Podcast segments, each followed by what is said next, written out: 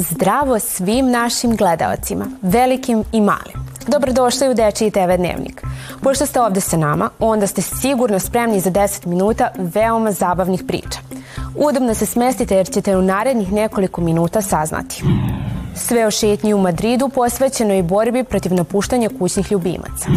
Kako izgleda najveći ledeni breg na svetu. Sa Strahinjom Radosavkićem razgovarate o Alisi u zemlji čuda. Podatke o vremenu pripremila je Tara Petrović.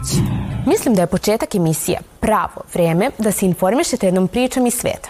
Krajem svake godine vlasnici životinja zajedno sa svojim kućnim ljubimcima prošetaju trgom u Madridu kako bi se izborili protiv napuštanja kućnih ljubimaca. Osim što aktivno promovišu prave vrednosti i ljubav prema životinjama, oni se bore i za strože kazne za one koji napuste svoje kućne ljubimce.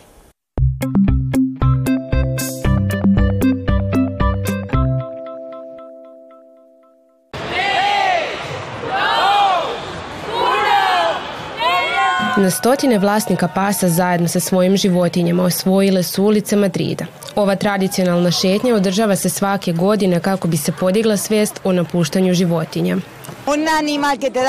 Životinja koja ti daje toliko pažnje i ljubavi, a neko je napusti. Stvarno ne znam kako mogu. Životinje nas ispunjavaju energijom i pune su ljubavi.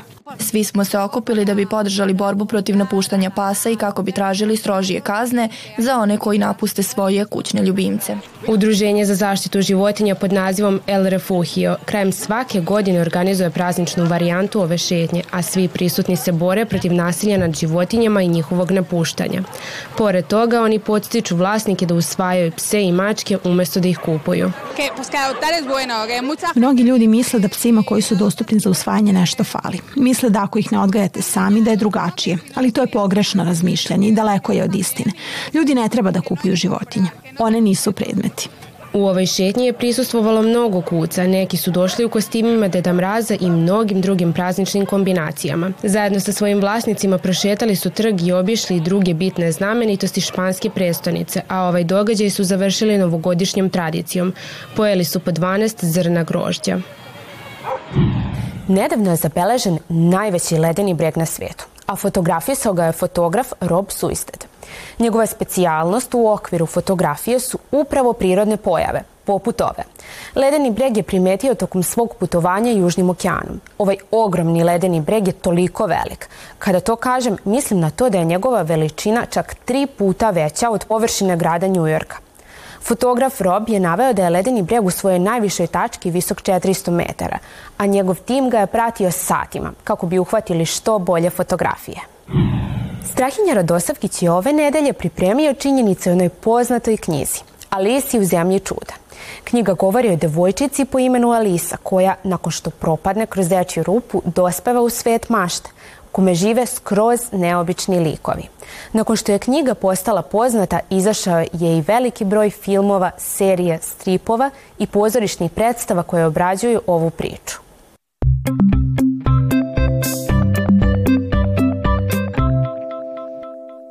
Zdravo! Danas ćemo pričati o jednoj zanimljivoj bajci koju svi sigurno znate. U pitanju je Alisa u zemlji čuda, jedna od najpoznatijih priča za decu ikad. Ova priča je i dalje veoma popularna s obzirom da je napisana pre 150 godina, ali koliko zaista znate o ovoj fascinantnoj knjizi. Knjiga je objavljena 1865. godine u sred viktorijanskog doba. To je bilo vreme promjena i inovacija – ali takođe prvi put u istoriji je na detinjstvo gledano kao na važan period života. Pre toga na decu se gledalo kao na manju verziju odraslih, tako da je mnogo njih, na primer, moralo da radi da bi preživalo. Alisa u zemlji čuda je jedna od prvih knjiga napisanih isključivo za decu. Lewis Carroll je u stvari pseudonim za pisa Charlesa Latvidža Dodgsona – koji je pored toga bio i profesor matematike na Univerzitetu Oxford. On je takođe izumeo i uređaj pomoću kog možete čitati i u mraku. Inspiracija za Alisu je pisto došla od devojčice koja je stvarno postojala, a zvala se Alisa Lidl.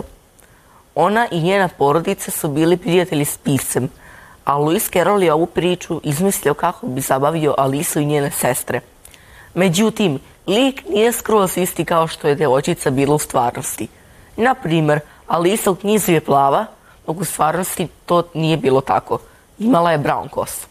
Iako je knjiga Alisa u zemlji čuda često opisivana kao knjiga sa gomilu gluposti koje nemaju nikakvog smisla, to je u stvari knjiga u kojoj se koristi logika. Sadrži dosta igara reči, zagonetki i mnogo čega drugog, a neke rečenice su čak izgubljene od svog prvog izdanja. Ova knjiga nikad nije prestala da se štampa, a prevedena je na čak 200 jezika. 30. godina prošlog veka kineska vlast je odlučila da zabrani ovu knjigu u Kini. Oni su smatrali da pojava u kojoj životinje pričaju s ljudima nije nešto čemu bi ljudi trebalo da čitaju. Ukoliko želite da proslavite ovu knjigu, možete to uraditi 4. jula, jer se ovaj datum obeležava kao dan Alisa u zemlji čuda. Izabran je baš ovaj datum, jer je tad Lewis Carroll prvi put ispričao ovu priču Alisi Lidl i njenim sestrama. Mnogi ljudi ovaj dan proslavljaju tako što se kostimiraju, organizuju čajanke i čitaju knjigu. To bi bilo sve o lutkastoj Alisi i zemlji čuda. To je stvarno jedna sjajna knjiga i siguran sam da ju je mnogo vas pročitalo. A ako niste, znate šta vam je činiti. Vidimo se sledećeg ponedeljka u našem standardnom terminu. Pozdrav! Tara Petrović je ove nedelje zadužena za vremensku prognozu. U narednih nekoliko minuta svi ćemo saznati sve najvažnije informacije o vremenu za sutrašnji dan. Ja se samo nadam da neće biti više baš ovoliko hladno, jer onda bude sve zaleđeno. Ne smeta meni kada pada sneg, ali kada je sve zaleđeno, desi mi se mnogo puta da se okliznem, a ponekad čak i padnem. Zato mi mnogo više odgovara suvo vreme.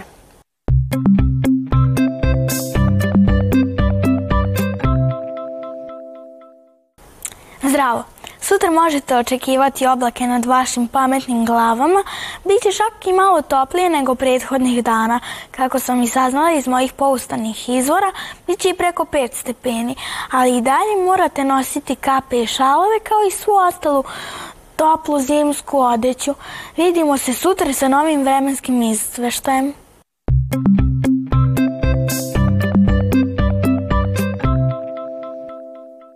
To bi bile sve najvažnije informacije za današnji dan.